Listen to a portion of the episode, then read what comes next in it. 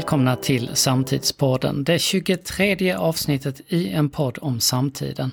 I en tid där samtiden svarar på lättnader i coronarestriktioner med en kanonad av motfrågor och där de 22 forskarna som nu är 26 inte nog kan bärga sin vilja att vilja stänga ner samhället. Spaning nummer ett, de 22 forskarna som nu är 26, kommer inte sluta att vilja ge oss råd när corona är över. Spaning nummer två, de 22 forskarna som nu är 26, kommer du kunna följa genom inlägg på DN Debatt.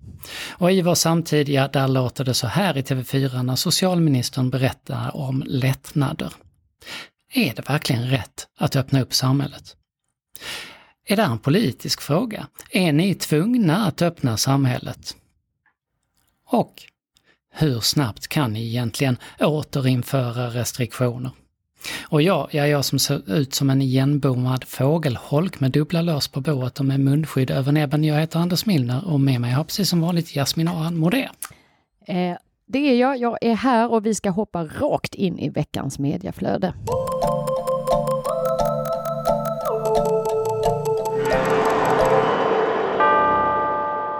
Och här hittar vi den sorgliga nyheten från Argentina där en nyhetsreporter deklamerar att William Shakespeare, en betydande skribent i England, nu har avlidit. Och detta medför idag såklart stora ja, stor katastrof för den engelska litteraturen.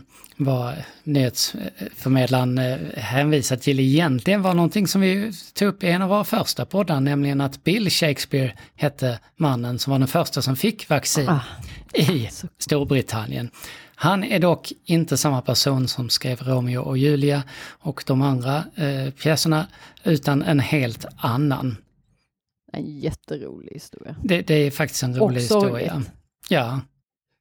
Kunskapsbrist sorgligt. Ja. ja. Eh, Men också väldigt roligt. ja, man kan inte låta bli.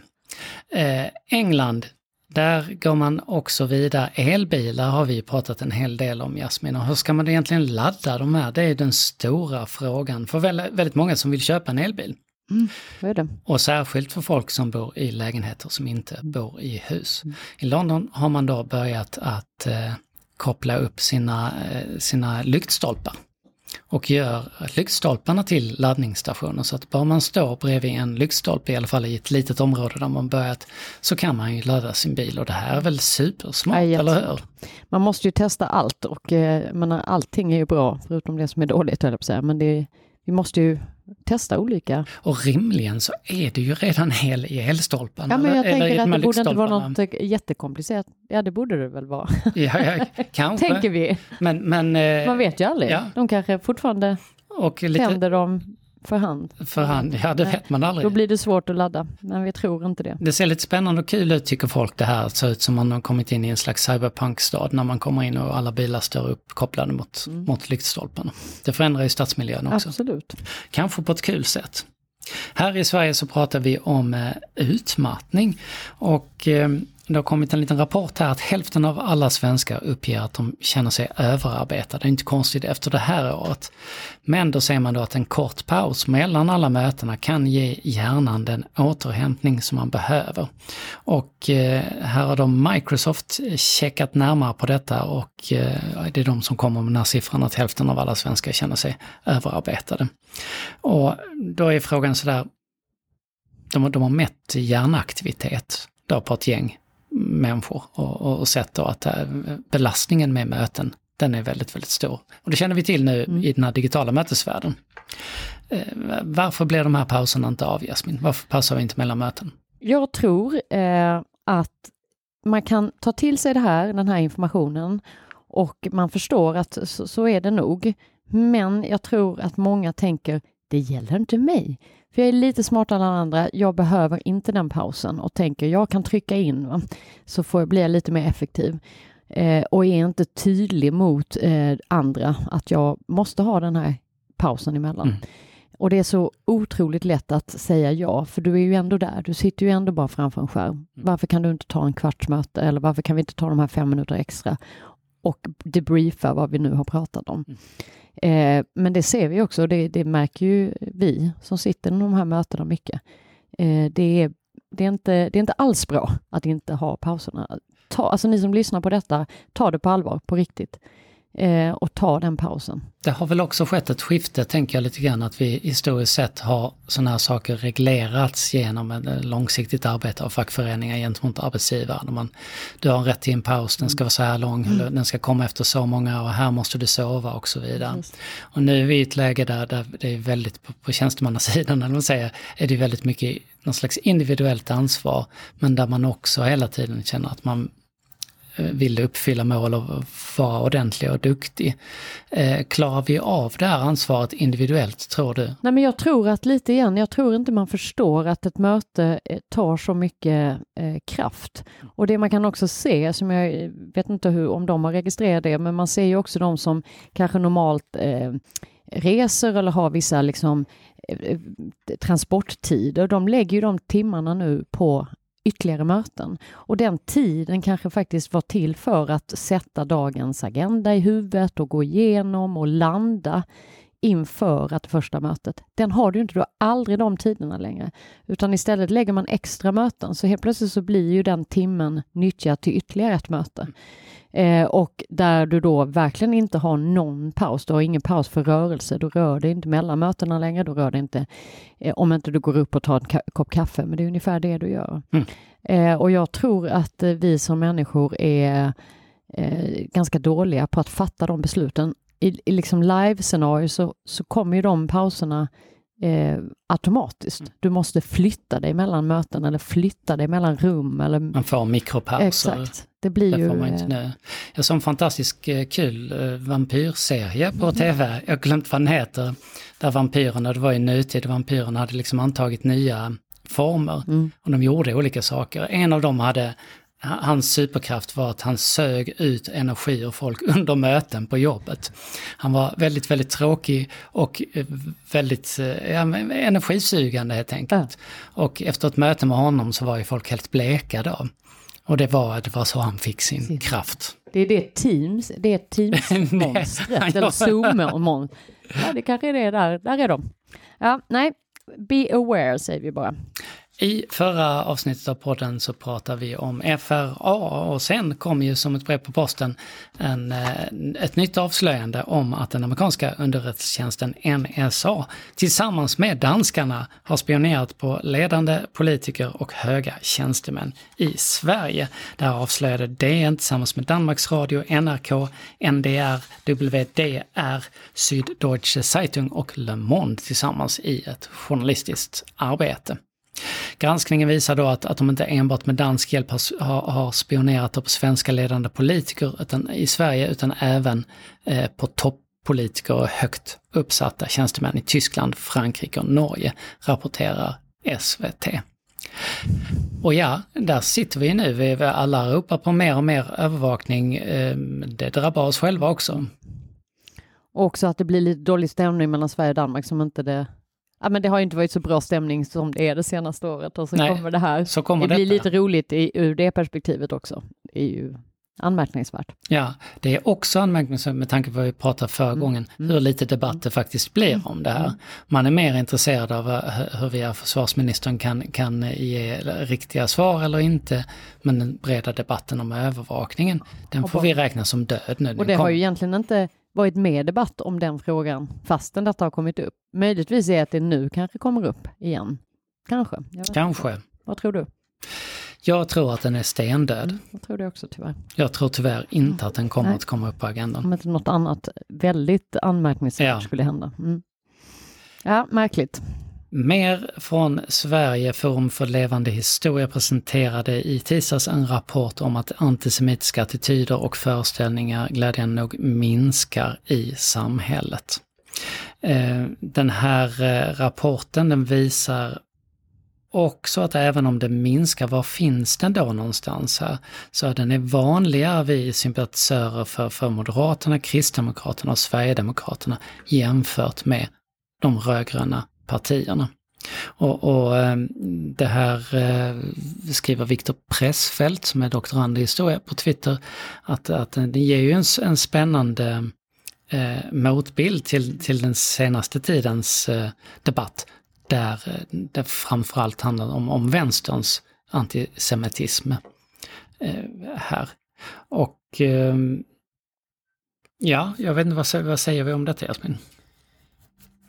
Ja, vad säger vi? För det första, man kan väl ändå börja i att det går ner, det är ju ändå positivt hur vi använder vidare på det. Eh, jag tycker att eh, det det ändå visar på är att den här diskussionen måste fortsätta eh, och tas upp,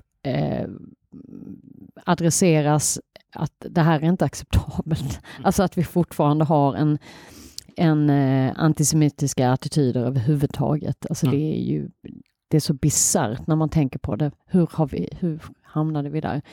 Eh, och sen så, ja, sen är det ju naturligtvis så som det säger, liksom att vi, vi måste fånga upp var är de här eh, attityderna och riktningarna någonstans och verkligen liksom lyfta det och, och liksom inte försöka eh, sopa någonting under mattan, men verkligen det är ju olika spritt också och vi sänder ju detta från Malmö och här, här har, har, de ju en, en väldigt stark grogrund och det finns rapporter från, från, från Malmö om detta också just. Och vi eh, har ett samarbete med, med Malmö Unga Stadsteater som kommer att sätta upp eh, pjäsen Ögonvittnen yes. hos oss här i höst som bygger på på eh, livsberättelser från förintelseöverlevare i Malmö. Och det kan man säga är otroligt nödvändigt och det är ju då för skolor, alla skolungdomar. Och det är ju alarmerande när man hör hur liten kunskap som finns i skolorna.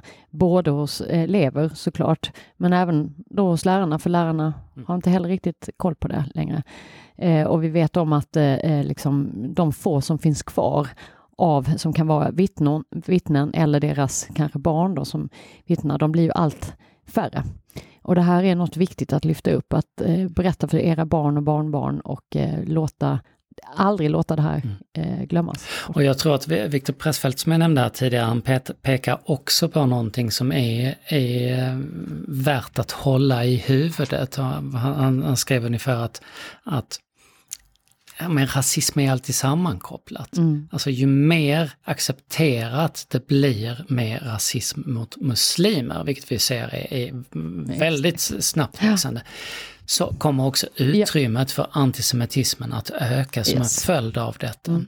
Så att man kan liksom inte nöja sig med att säga att nu, nu kommer det här, det är ju glädjande att gå ner och det, det är mm, bra. Mm, mm. Men det större perspektivet Exakt. ger något annat vi ja, men det är väl, Den större diskussionen är ju att vi aldrig någonsin ska acceptera att du, att du ska sätta en människa i ett fack på grund av någonting, bakgrund, religion, vad det nu kan vara. Det är en människa, det är en individ, alla har liksom lika stort värde, punkt. Mm. Det är inte en diskussion. Eh, och sen så har du massa kvaliteter och andra inte, men det, det, du är lika mycket värd och den, vi måste bara det måste bara sätta sig i ryggmärgen. Man tycker bara det är så självklart och ändå sitter vi här och diskuterar att mm. det är rasism mot den ena eller den andra. Jag fattar inte. Och hörni, ta med familjen och kom och se ögonvittnen hos oss i höst. Det är väl november tror jag vi pratar om yes. för, för, för mm. Vi hoppar vidare. Eh, klimatfrågan. Ja, ett försäljningsförbud för bensinbilar eh, är på väg här och nu säger man från den här statliga utredningen om utfasningen av fossila drivmedel att de ska vara utfasade 2040. Mm. Och varför då 2040? Det låter ju sent och 2030 är ju ett årtal vi har i huvudet mm. sen, mm. sen gammalt. Mm. Ja men då, då tänker man här att, att ett svenskt beslut då skulle kunna strida mot EUs regelverk och då kan det bli svårt att införa. Naturskyddsföreningens klimatchef David Kilberg reagerar på det här i Sydsvenskan och säger att 2040, ja men det är för sent om vi ska nå Parisavtalet, vilket också för övrigt utredningen skrev. Eh, och det här känns ju bara så knasigt. Ja men det är så dumt, alltså är det inte återigen en sån här dum grej som vi har pratat om innan, att man gör någonting med ena handen, fina ord och visioner och målsättningar och sen så när man kommer till praktiken så bara nej, av andra skäl så går det inte. Men hur far ska man då Om man har sagt nå att målet? vi kan inte vaccinera folk nu för det strider mot EUs regelverk. Ja. Vi måste vänta, Vänta, till 27. mm. för då får innan. man tydligen göra det. Ja, men det blir så bisarrt och varför har vi inte samma sense of urgency i de här frågorna som vi faktiskt haft i pandemin kan man då diskutera i det här. Och vi vet ju också om att en av, av problematiken i det här är att, att eh, jag tror att vi har, har en siffra på en snittålder på en bil på 17 år tror jag. Och då säger det sig självt att om vi börjar införa ett förbud på den typen av bilar som vi inte vill ha, då måste det ju räknas baklänges. Men där är vi lite liksom mesiga. Vi, De kan ju rimligen bli mindre och mindre värda ju närmare 2040 vi kommer. Det kan man säga. Eh, men det är ju helt bisarrt att vi, alltså förbudet för detta ska vara utfört 2040. Vi har ju pratat om 2030 i flera år. Jag, Mm. Och jag har svårt att se att det är, det beror ju på hur du argumenterar för din sak. Men vi måste ju gå i, i, i bräschen för detta och visa i så fall EU att det här går visst att göra på. Och det gör vi inte om vi kommer tio år senare. Och andra länder gör ju det. Så det är ju, det, det är ju inte en, en, en liksom, det är typiskt, skulle jag säga, Sverige att säga. Nej men så, så har inte vi tolkat reglerna, så tolkar då alla andra EU-länder det på ett helt annat sätt och så springer alla om oss. Nej, sluta och eh, tolka eh, ordagrant och så gör någonting som är bra för vår värld och vår framtid och klimat någon gång. Någon gång Politiker. tycker vi det. Mm. På tal om eh, pandemi och i Dagens Industri så skriver Lotta Engsell Larsson att det är hög tid att kika på en annan epidemi, nämligen fetman. Corona är bara den tredje vanligaste dödsorsaken andra halvåret förra året, skriver hon, och det vanligaste är då hjärt och kärlsjukdomar och på andra platser kommer cancer. Och för båda dessa så är ju, är ju risk, är, är- de riskfaktorer att man, att man, att man får dem vid fetma. Antalet överviktiga har ökat med 50 procent sedan början på eh, 2000-talet. Och bland hela befolkningen idag i Sverige är hälften överviktig. Och mellan barn 6 till 9 år är det 20 procent och det är pojkar och män som ökat mest. Och varför pratas inte detta med om? Undrar jag då. Jag tycker inte det, alltså det här är också en av, eh, en av de, som, de grupper som har varit mest drabbade av corona är ju också människor med övervikt och inte bara det man i början adresserade som mycket övervikt utan faktiskt minsta lilla övervikt var man ju riskgrupp. Man pratar ganska tyst om detta. Vi vet om i det här, i andra fall är det då också en risk. Vi vet dessutom att, att det är ju eh, vad heter det, medför ju också diabetes till exempel som kostar både människan lidande men också eh, välfärdsstaten. Och vi ser enorma ökningar i Danmark som de skrev om bland just barn var det väl tror jag. kilo har barnen i Danmark gått upp på, på i snitt under det här pandemiåret. Mm. Det kommer leda till väldigt mycket väldigt dåliga utfall just kring de här sjukdomarna. Och, så, och tillbaks till diabetes som vi ju vet är ju en välfärdssjukdom och ja, men det kostar så enormt mycket pengar och så mycket lidande. Där vi samtidigt adresserar andra farliga saker såsom eh, cigaretter eller alkohol eller vad det nu kan vara. Men detta adresserar vi inte på samma sätt. Mm. Detta tycker jag måste mycket högre upp på agendan. Jag tycker eh, Lotta Engsell Larsson har en jättebra poäng här. Och på tal om Danmark Jasmin, så eh, danska parlamentet har, har då antagit en text vad jag förstår här eh, där, där man säger till universiteten att de, deras forskare ska då sluta att eh, bedriva politisk vers- verksamhet under förklädnad för, för, eh, som forskning.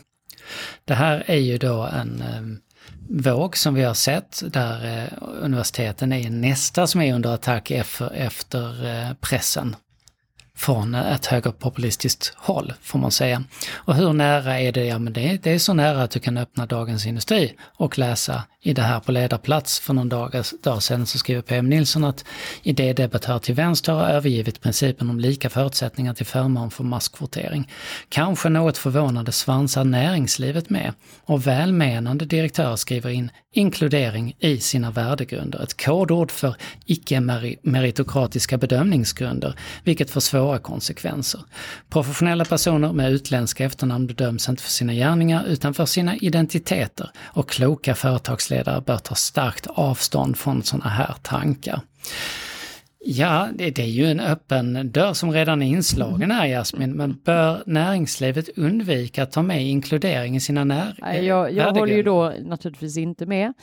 Um, och det handlar ju, det beror ju på vad man lägger in i det. Det är klart att du kan eh, washa, eh, om man nu, vad man nu washar just den här frågan med, om det är vilken färg.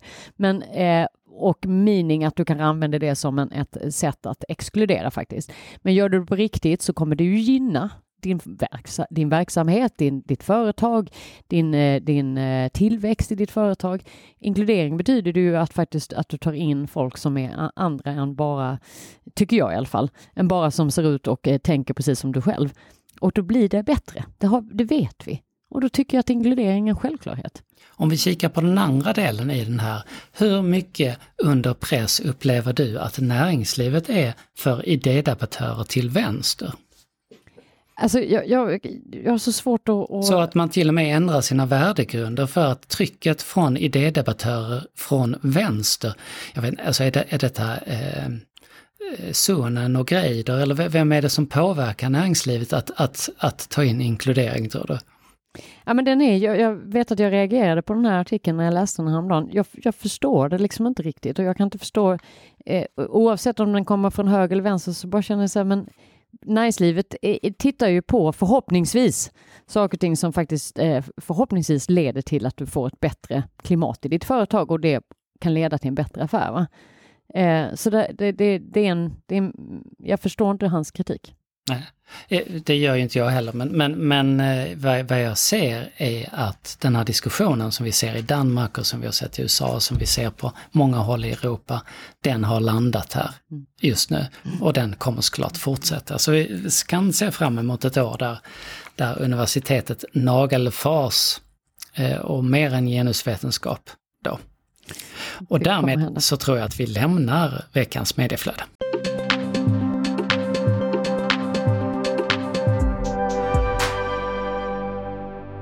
Här har vi veckans Men hallå! Och det här är en namnfråga Jasmin. Mm -hmm. Jasmin, är det ett vanligt namn? Nej, det kan vi inte säga. Är det någon som kan uttala ditt namn rätt? Nej, det kan vi inte heller säga att någon har gjort. Vad tror du om Karen? Ja, men det tänker jag att man ändå kanske kan, eller? Nej? Ja, men, ja, och det har ju varit ett vanligt namn. I USA ja. har det varit ett jättevanligt namn. Men nu, sedan 2020, så har det här kommit lägst ner på namnlistan i USA. Det har inte varit lägre ner sedan 1927. Det, alltså det är ganska långt sedan. Eller hur? Ja. Och då är frågan, varför? varför? Du ser lite undrande ut. Varför? Vad är det som ja. vad, vad hände 2020? Exakt. Som? Vet vi det? Och nu hänger du inte med i memes. Nej, följer nej, inte sådär nej, This Meme. Today och, och andra så. Men det finns ett känt Karen-meme nämligen. Mm. Så Karen det är en, en, en, vit kvinna som är eh, bitchy kan man säga och som gärna klagar hos chefen. Alltså. Yes. Och Karen har en viss frisyr, lite så pagig frisyr. Och det är lite så, du ska inte vara som Karen. Och när memen har fått ett sånt genomslag att man då tror att nu sedan den slog igenom så döper inte folk sina Nej, barn till Karen. För då blir de en, för då blir de en sån där ah. besvärlig jäkel. Så bara, jag ska be Stackars de som heter Karen redan. Stackars de som heter Karen för de är såna här redan. Nej. Så kan vi inte ha det. Och jag har hört detta på barnhåll redan, eh, nära mig, att, att en Karen, det ska man ju inte vara. Väldigt roligt. Okej, då ska vi ta med oss det. Just det, så är det någon av er som lyssnar som eh, väntar barn eller funderar på att namnge barn, ett tips från oss, inte Karen. inte just nu i alla fall. Du får vila ett tag. Hörni, det är fredagen den 4 juli och idag 1187 så blev en, eh, en, eh, en korsriddartrupp på 20 000 kristna besegrade av den kända Saladin vid slaget vid Hattin. 1967 dör Stig Trenter. Har du läst några av deckarna? Mm, ja, ja. Verkligen. det har du också. Ja, mm. och det här tror jag är allt för oss idag. Mm, det är det. Och eh, du har lyssnat som vanligt på Samtidspodden som produceras av Altitude Meetings och du kan läsa mer om oss på altitudemeetings.se. Vi ses igen om en vecka. Ha det bra i sommarvädret.